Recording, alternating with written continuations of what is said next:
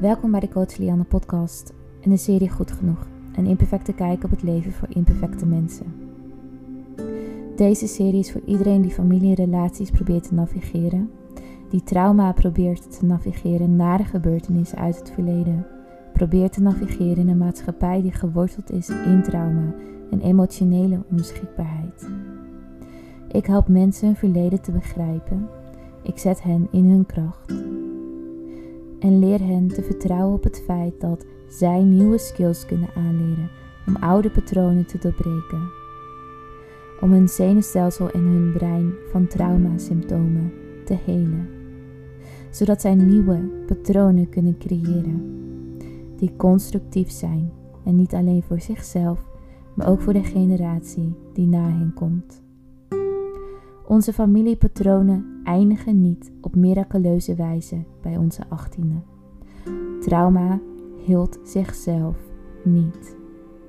Traumasymptomen gaan niet zomaar weg. De tijd hield niet alle wonden. Maar weet dat het nooit te laat is om opnieuw te beginnen. Je bent niet alleen. Je bent niet alleen in jouw drama, in de pijn die je op dagelijkse basis ervaart de emoties die je moeilijk vindt om te verwerken. En weet dat jouw familie, jouw verleden en jouw trauma jou niet definiëren.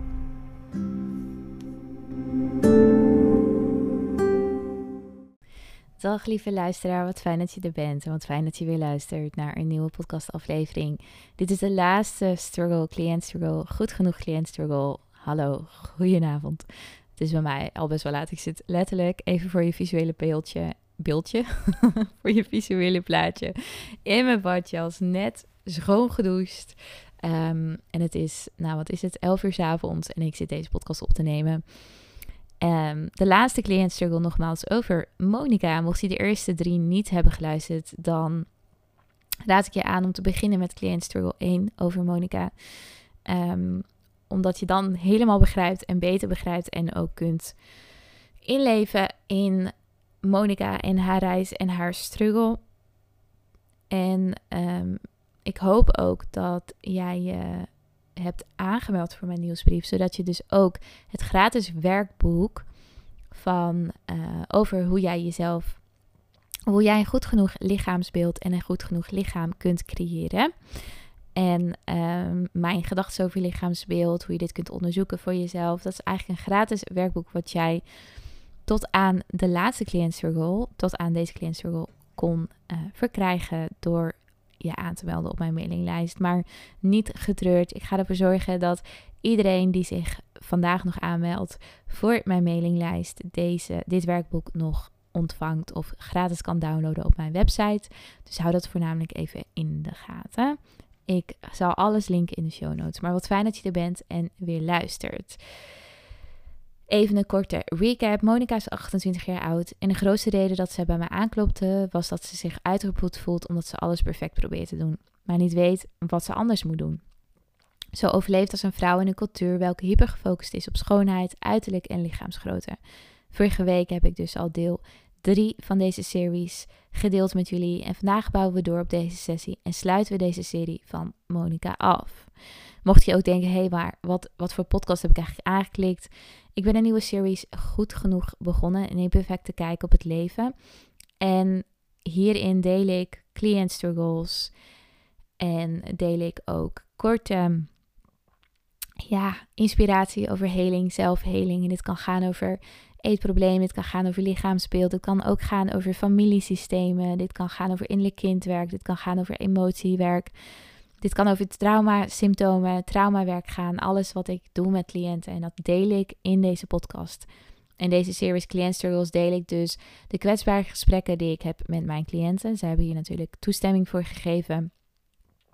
En ja, deel ik eigenlijk drie tot vier weken achtereen sessies met één cliënt. En dit is de laatste sessie die ik over Monica deel. Monica en ik zijn zeker nog doorgegaan naar deze sessie. Maar ehm, voor nu is dit voor jullie de laatste sessie met Monica. Sessie 8. Ik wil niet zo leven. Monica heeft mij in het weekend een mail gestuurd met alle onderwerpen die zij graag wil bespreken in de volgende sessie. En dit is ook een tip. voor iedereen. Het kan heel helpend zijn om te, dit te doen bij je coach of je therapeut als er dingen zijn die je niet wil vergeten en wel wil bespreken. Zodra ik het toelaat in de sessie, geef ik aan dat ik de mail heb gelezen en vraag ik haar waar ze graag zou willen beginnen. Monica begint met: Je hebt dus gezien dat ik met mijn moeder heb gesproken en dat het niet goed ging. Ik was er al op voorbereid dat het gesprek wat ze met haar moeder zou hebben niet lekker zou lopen. En dit is waarom we in de vorige sessie de tijd namen om daarop voor te bereiden.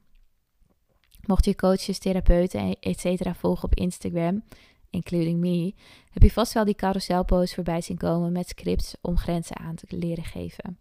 Maar niemand heeft het over wat er daadwerkelijk gebeurt, zodra de andere persoon jou aanhoort en op een nare manier reageert. In de sessies kunnen we hier dieper op ingaan en deze tools meenemen in de echte wereld, maar ook bespreken wat voor jou belangrijk is. En dit is een deel van het werk wat Monica en ik in deze sessie gaan doen. Ja, dat is balen. Ik las het inderdaad in jouw mail. En ik ben trots op je dat je dit gesprek bent aangegaan en dit bent gaan delen met je moeder. Hoe ze ook heeft gereageerd, je hebt een hele grote stap gezet en ik geloof dat we even een moment mogen nemen nu om dit ook te zien, zeg ik terwijl Monica naar haar schoot kijkt.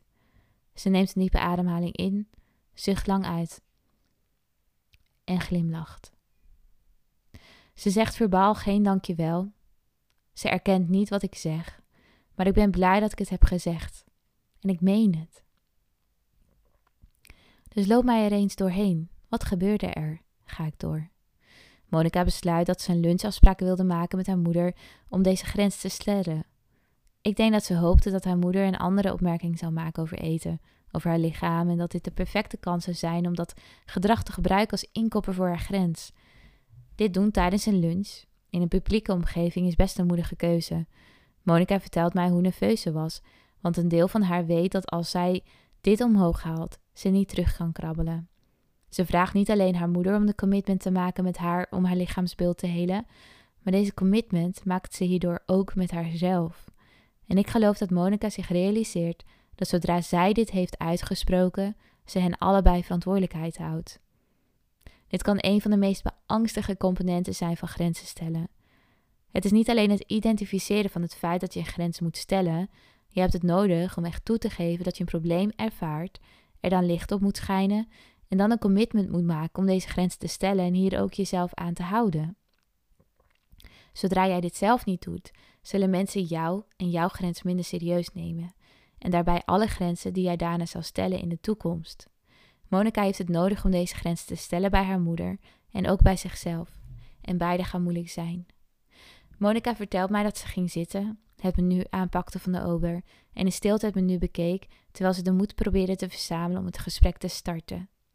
Eenmaal de moed bij elkaar geraapt, deelde ze: Mam, we hebben het nodig om ergens over te praten. En ze begint het gesprek met de versie wat we hebben geoefend in onze vorige sessie. Mam, ik weet dat je mij niet pijn probeert te doen, maar zodra je die opmerkingen maakt over wat ik eet of wat ik draag, is, het niet, is dit heel moeilijk voor mij. Ik probeer te werken aan mijn relatie tot mijn lichaam en mijn coach denkt dat deze opmerkingen mij niet helpen. En dit voel ik ook. Ik wil eens kijken naar hoe wij samen kunnen werken aan het niet maken van opmerkingen over onze eigen lichaam of die van elkaar. Monica deelt wat ze met haar moeder heeft gedeeld en ik denk aan waarin ze mooie stappen heeft gezet en waar ze nog aan kan werken. Laten we het samen eens duidelijk maken. Ze heeft haar moeder zeker met compassie benaderd en is aardig en open gaan delen. En dit merk ik doordat ze zegt: Ik weet dat je mij niet pijn probeert te doen. Ze schetst wat het probleem is, a.k.a. wanneer je opmerkingen maakt over wat ik eet of draag. Maar ik geloof dat haar moeder meer duidelijkheid nodig heeft hier. Dat is prima. Als iemand meer hulp nodig heeft in het begrijpen van de grens en ze doen dit vanuit compassie en vanuit respect, kan dit helpen. Ze heeft de deel erin gegooid over haar coach en wat haar doel is. Dit helpt. Ze deelt een oplossing, a.k.a. ik wil eens kijken naar hoe wij samen kunnen werken aan het niet maken van opmerkingen over onze eigen lichamen of die van elkaar. En ik weet dat ze probeert om compassievol en behulpzaam te zijn, maar ik denk dat ze niet duidelijk is en niet specifiek genoeg is. Ik wil weten hoe haar moeder reageerde voordat ik enige feedback geef. Van wat ik hoor van Monica reageerde haar moeder heel defensief en het voelde alsof ze aangevallen werd. Er werd veel gedeeld als: Ik heb nooit een opmerking gemaakt over jouw lichaam of wat jij eet. En ik kan het niet geloven dat je dit nu zegt. Ik dacht dat we een goede relatie hebben. Waarom doe je dit? Monica deelt dit en ik kan zien dat ze een stadium ingaat van spijt. Wat veel mensen ervaren zodat ze grens zetten, zodra ze een grens zetten, wat niet zo smooth gaat. Het is dat stadium van fuck, waarom heb ik dit gedaan? Ik had het gewoon moeten laten gaan. De homeostasis van de relatie is ontwicht en nu proberen haar moeder en zijzelf het weer terug te krijgen naar het normale. Zodra een relatie het nodig heeft om te veranderen, is het doorwerken van dit stadium echt nodig en ook niet leuk. Monica start met terugkrabbelen en geeft zichzelf de schuld voor het creëren van drama in de relatie tot haar moeder. Ze vraagt zich af of het heel erg is en we hebben het over wat voor invloed dit weer op haar heeft.